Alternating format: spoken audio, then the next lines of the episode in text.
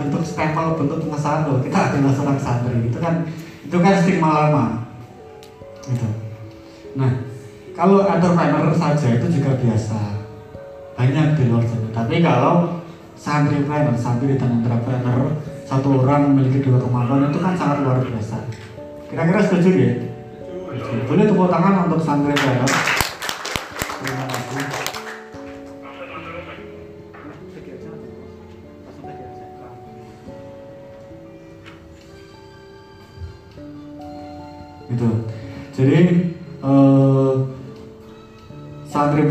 jadi teman-teman yang sebagai santri yang memiliki usaha. Pada waktu itu 2012 sebenarnya kita pengen menggunakan santri wirausaha. Tapi kalau dipikir-pikir pelafalannya agak rumit agak susah. Kurang kurang zuh di hati itu kurang mantep gitu. Makanya kita gunakan istilah santri awalnya santri adalah planner cuma ya tadi pelafalannya kurang kurang mantap jadi kita ganti dengan santri planner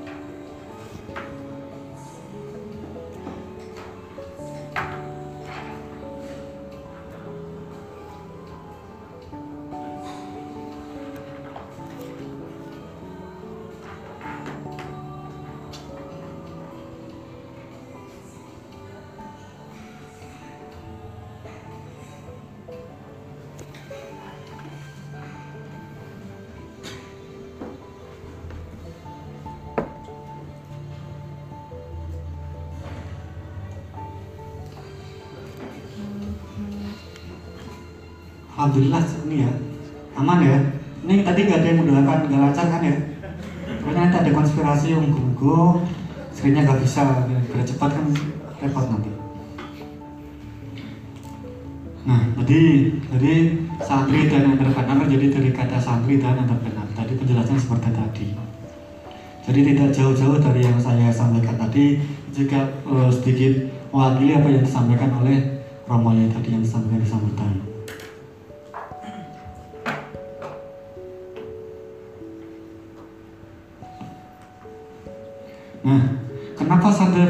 Harus ada? Kenapa eh, kenapa harus ada santri planner? Jadi eh, beberapa tahun yang lalu, mungkin masih sekarang juga mungkin masih ada anggapan tentang anggapan stigma negatif tentang santri eh, tentang santri. Jadi masih ada anggapan yang mungkin saya eh, menurut saya pribadi kurang kurang pas dan kita harus bersama-sama di sini merubah mindset tersebut bahwa santri hanya bisa ngaji. Kenapa? Karena ya yang kita lakukan di, di sebagai santri di pondok pesantren kan ngaji, tirakat, pikiran kan gitu kan.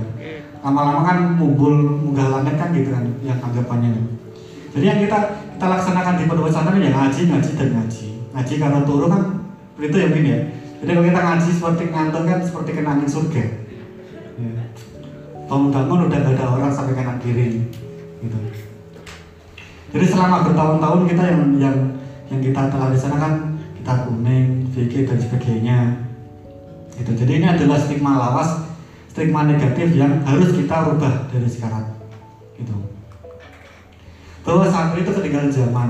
Kok bisa? Karena masih ada beberapa pesantren yang eh, melarang santrinya untuk menggunakan eh, entah itu HP dan sebagainya.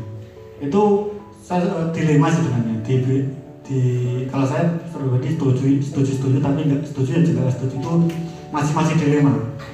Nah karena hal ini teman-teman di pondok pesantren setelah keluar dari pondok pesantren yang mungkin masih masih salah mungkin ketika keluar dari pesantren kaget melihat dunia luar. Oh ternyata di, di luar pondok pesantren seperti ini gitu. Jadi ada kemajuan yang belum diketahui di pondok pesantren. Gitu. Nah, dengan semua yang dilakukan di pondok pesantren dengan aktivitas di pondok pesantren santri dianggap tidak memiliki masa depan. Kenapa? Karena tidak tidak dibekali dengan skill. Gitu.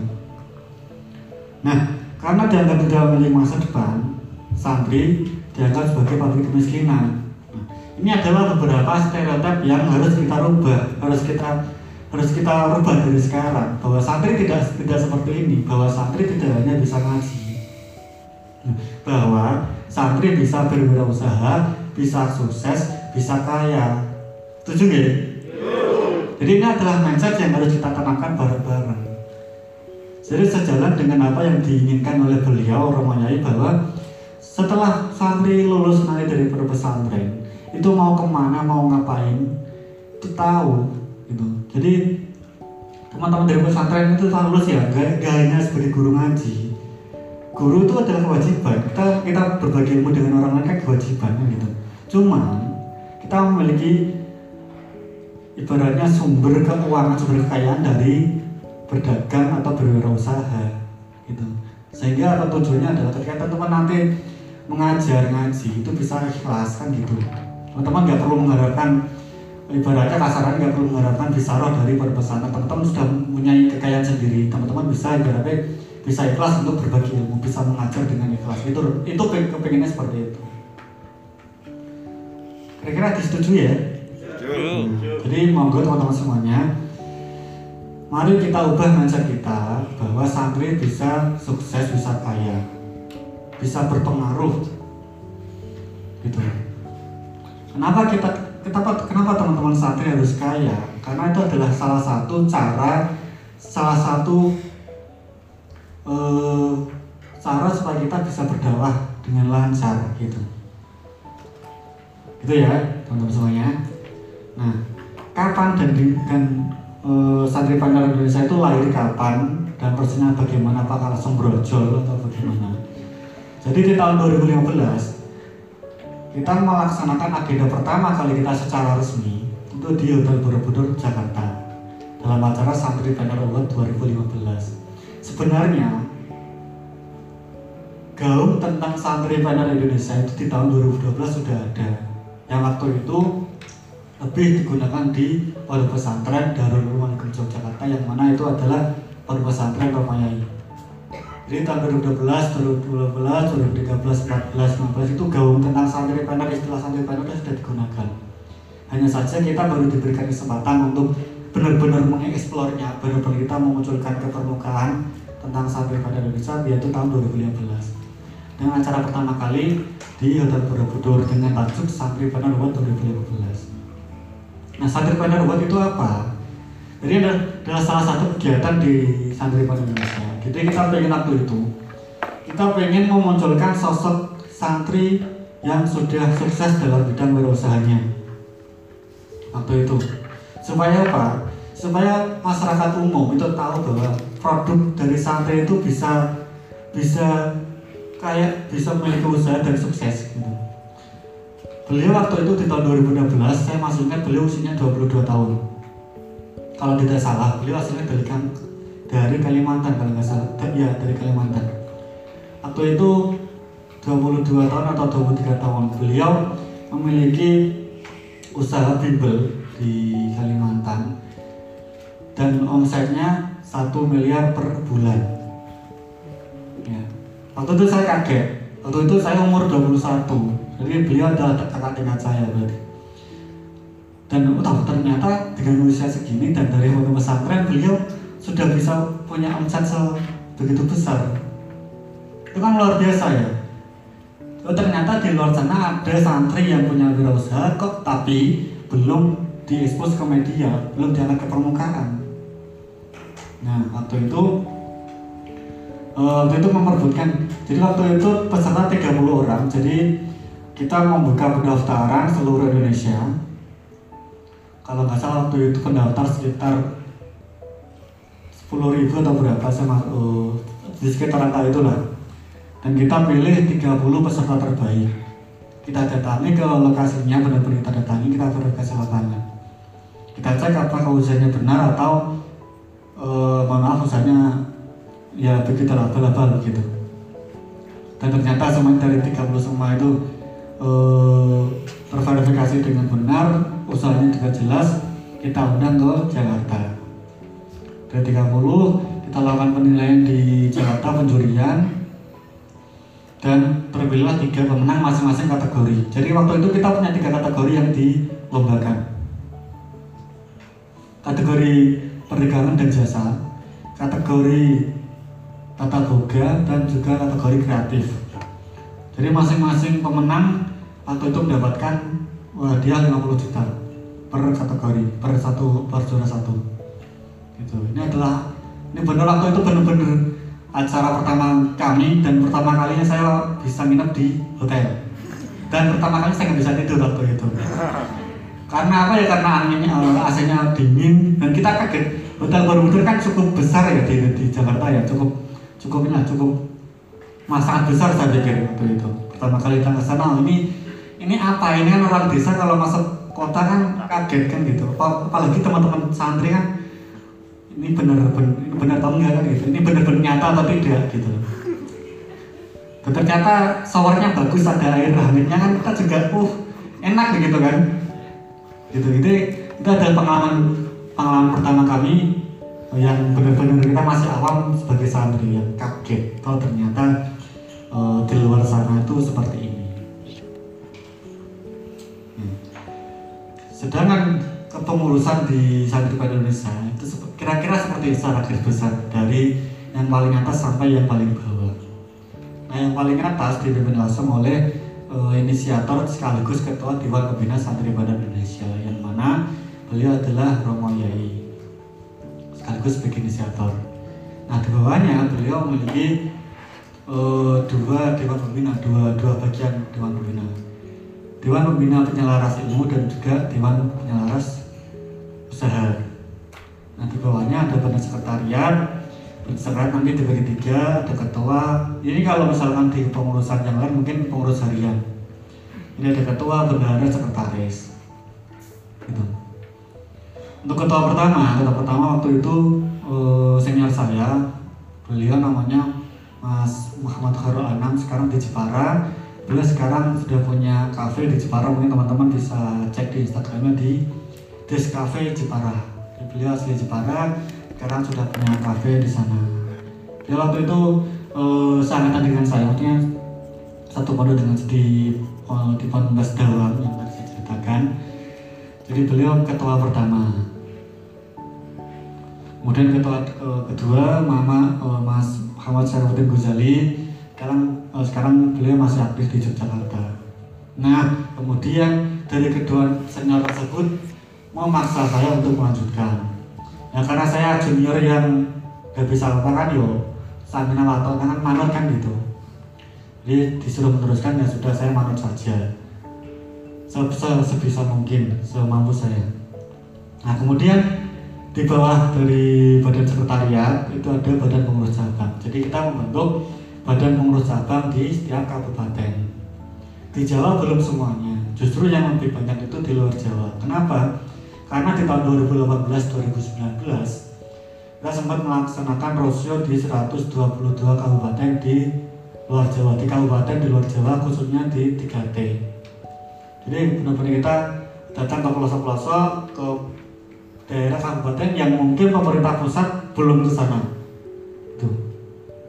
Karena secara kendaraan eh, transportasi ke sana bisa dibilang teman-teman akan sangat bersyukur teman-teman bisa tinggal di Jawa saya yakin di sana ada sebuah daerah yang di mana ketika jam 9 ke atas listrik mati gelap benar-benar gelap. Dan di sini kan listrik dan sebagainya kan masih ini ya lancar ya. Mungkin teman-teman sering mengeluh wah wifi, wifi sinyalnya jelek kadang mati lampu. Teman-teman mengeluh tapi bayangkan teman-teman kita yang ada di luar Jawa kita harusnya lebih beruntung dan lebih bersyukur gitu. Hanya karena sinyal jelek kita ya seperti itu kan itu kurang bijaksana. Kan gitu ya gitu. Jadi nomor cabang kita ingin membuat belum semuanya tapi sekarang masih kita uh, masih dalam proses membuat membentuk badan pengurus cabang termasuk di Cilacap begitu. Jadi kita ingin nanti setelah dua tahun ke depan kita sudah punya badan pengurus cabang di seluruh Indonesia. Dan ini akan menjadi jaringan teman-teman semuanya. Ketika teman-teman punya produk A teman-teman bisa pasarkan di uh, badan pengurus cabang di daerah yang lain itu akan menjadi kekuatan jaringan teman-teman semuanya Nah, di santri pada Indonesia itu ada apa saja? Kegiatannya apa atau apakah hanya pelatihan saja atau bagaimana? Nah, tadi yang disampaikan oleh Romo Yai di sambutan, kita punya santri pioneer camp. Jadi santri pioneer camp ini adalah kegiatan sebenarnya modalnya pelatihan. Hanya saja kita bungkus dengan acara camping. Kenapa? Karena karena sasaran kita itu adalah teman-teman yang di usia 17 tahun sampai 25 tahun. Usia yang masih dalam pencarian jati diri gitu ya. Yang masih dalam proses cinlok cinlokan kan gitu. Jadi targetnya adalah teman-teman usia seperti itu usia produktif usia pelajar. Jadi kita membuat pelatihan tapi dalam kita bungkus dalam bentuk camping. Kenapa? Karena saya yakin teman-teman ketika dalam acara seperti ini dalam ruangan pasti ngantuk gitu tujuh ya? Pasti kan pasti angin surga itu memilih teman-teman semuanya. Tidurlah ngantuklah ngantuklah gitu. Gitu mendayu-dayu gitu. Jadi kita ingin membuat e, gimana caranya teman-teman e, peserta semangat untuk ikut tapi tidak kehilangan esensi dari materi tersebut. Nah dalam tahap ini teman-teman e, peserta kita kasih dorongan kita kasih gambaran tentang peluang usaha ke depan jadi teman-teman peserta ketika nanti mereka sudah lulus dari pendidikannya memiliki opsi lebih bahwa mereka setelah lulus tidak hanya e, tidak serta merta hanya menjadi pegawai, tidak hanya menjadi karyawan, tapi ada opsi lain selain kedua itu. Opsinya apa ya sebagai wirausaha. Tuh. Pun misalkan mereka nanti sebagai karyawan, setidaknya mereka punya punya punya sambilan berwirausaha jika memang belum bisa menghidupi orang banyak, minimal bisa menghidupi dirinya sendiri. Syukur-syukur tonggo teparonya atau tetangganya sekitarnya itu minimal. Misalkan saja satu orang bisa memiliki satu atau dua karyawan, itu kan cukup lumayan untuk mengurangi pengangguran kan gitu kan. Jadi ini adalah hal kecil yang kita pengenkan. Jadi tahap di tahap desa kami ini tahapnya adalah motivasi untuk teman-teman supaya kalian setelah lulus dari sekolah dari pesantren entah dari pesantren, entah dari kampus, kalian punya opsi lain selain menjadi karyawan. Itu, itu tujuannya untuk uh, santri camp. Nah, santri camp itu di tahun 2019 kita laksanakan di enam kali di enam kabupaten. Mungkin teman-teman ada yang pernah ikut atau mungkin ada yang belum sama sekali atau mungkin malah ini baru pertama kali tahu. Jadi tahun 2019 di bulan Juli. Pertama kali kita laksanakan di Yogyakarta Santri Camp angkatan pertama Yogyakarta 2019 waktu itu peserta 30 eh 300 peserta. Pendaftar waktu itu 600 lebih. Jadi kita harus menyeleksi separuh lebih. Tuh, jadi kita uh, kegiatan benar free. Semua uh, penginapan kita sediakan. Maksudnya dalam artian penginapan tenda gitu ya ini tiket masuk lokasi wisata kita free kemudian makan juga kita tanggung semuanya kita dapat kaos seminar kita dan sebagainya. Gitu. jadi kan waktu itu eh, teman-teman peserta sangat sangat antusias dengan acara seperti ini. Meskipun saya yakin dari beberapa mungkin mereka karena pengen liburan. Saya yakin. Nah kita nggak masalah tapi kan setidaknya teman-teman mereka punya punya niat untuk belajar itu minimal kan gitu pun misalkan nggak dapat ilmu tapi dapat ganjaran kan gitu entah nanti di di lokasi mereka tidur itu kan itu kan sudah urusan masing-masing. Minimal kan kita sudah niat untuk belajar kan gitu. Itu di, di bulan Juli angkatan pertama. Angkatan kedua kita laksanakan di Jawa Barat. Di Sumedang kalau nggak salah. Di Taman Hutan Nasional Tahura Sumedang kayaknya. Itu di bulan Agustus kemudian di yang angkatan kedua di bulan Agustus akhir itu di Semarang di Jawa Tengah. Di Banaran waktu itu. Kemudian di, di bulan September kita laksanakan di Jawa Timur di Malang. Kemudian di bulan selanjutnya Oktober September Oktober kira-kira di antara itu kita laksanakan di uh, di Makassar kalau nggak salah di Makassar itu yang ke-6 angkatan ke-6 angkatan ke-7 di bulan Oktober akhir itu di Danau Toba di Sumatera Utara berarti. Jadi kita, jadi untuk santri pamerkan 2019 kita membuat mengadakan 6 angkatan. Nah di tahun 2020 karena sebenarnya itu sudah teragendakan sebelumnya di tahun 2020 cuma karena e, kondisi seperti ini mau nggak mau kita tidak bisa melaksanakan agenda yang menghadirkan masa banyak. Jadi seluruh agenda di 2020 benar-benar kita cancel, kita undur dan semoga aja tahun 2021 kita bisa mengadakan lagi. Gitu. Jadi ini adalah salah uh, beberapa uh, dokumentasi dari acara tersebut. Jadi ini waktu ini waktu di Yogyakarta. Nah setelah itu punya santri banner expo. Nah dari setelah teman-teman santri banner uh, alumni santri banner camp, jadi urutannya adalah santri banner camp dulu. Kita kasih motivasi dulu. Setelah dimotivasi mereka punya ide, punya punya gerakan, punya punya uh, keinginan untuk membuka bisnis nah itu sudah settle atau mungkin masih merangkak jatuh bangun kita akan memfasilitasi untuk memamerkan produk mereka di kegiatan Santri Bandar Expo jadi ini adalah kegiatan setelah Santri Bandar jadi setelah kita kasih motivasi mereka punya usaha kita kasih uh, ruang supaya teman-teman bisa memamerkan produknya yaitu dalam agenda Santri Bandar Expo ini waktu diadakan di tahun 2016 di Yogyakarta. Waktu itu kita kerjasama dengan Kementerian Koperasi nah ini adalah World setelah Expo mereka punya usaha. Usaha semakin berkembang. Kemudian eh, semakin settle punya cabang keuangan sudah sudah stabil memiliki karyawan karyawan sekian kemudian juga sudah punya perizinan lengkap. Nah, kita undang untuk mengikuti Pandar World. Nah, Pandar World kita adalah agenda tahunan kita. Semenjak tahun semenjak 2015. Terakhir kita eh, laksanakan di tahun 2019 di Jakarta.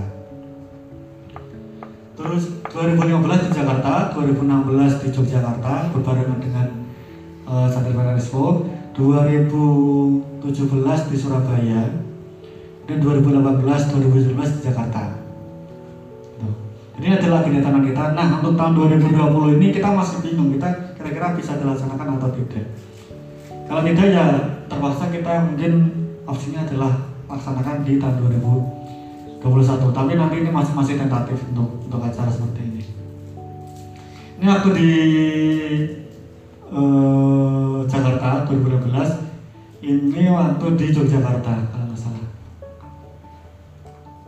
Nah selain itu kita punya seminar atau workshop seperti ini lah teman-teman semua kayak pelatihan ini. Jadi kita batasi pesertanya. Kalau biasanya kita peserta bisa sampai 100 karena eh, tapi karena kondisi seperti ini kita mengikuti anjuran protokol kita maksimal 30 untuk untuk saat ini. Jadi kalau biasanya kita acara eh, sekitar 100 orang setiap agenda. Nah pelatihan ini adalah pelatihan pertama kali setelah COVID-19. Jadi di bulan September awal, eh Agustus awal, Agustus akhir, Agustus akhir September awal kayaknya. Ini pertama kali mas setelah bulan Maret kita sama Maret, Maret. Seterusnya selama 4 bulan kita benar-benar kosong acara.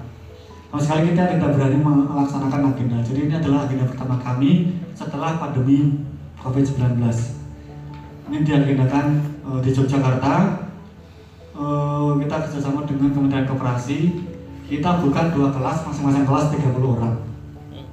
Jadi kita ini menginap di Hotel Pesona Tugu Yogyakarta. Jadi dua kelas 60 orang. Menginap tiga hari dua malam. Jadi setelah setelah sekian lama vakum eh, agenda pertama kami. Nah barulah setelah ini ternyata ini berhasil dan tidak ada masalah dan kita bisa menerapkan dengan ya dari hotel sudah sudah menerapkan protokol kesehatan jadi kita berani untuk melanjutkan kegiatan yang lain. Itu ya nah ini yang tadi saya ceritakan kita pernah roadshow di 122 kabupaten di luar Jawa. Ini adalah beberapa kegiatan yang kita laksanakan. Ini salah satunya pembentukan BPC ada badan pengurus jadi saya tekankan sekali lagi teman-teman harusnya sangat bersyukur teman-teman tinggal di Jawa.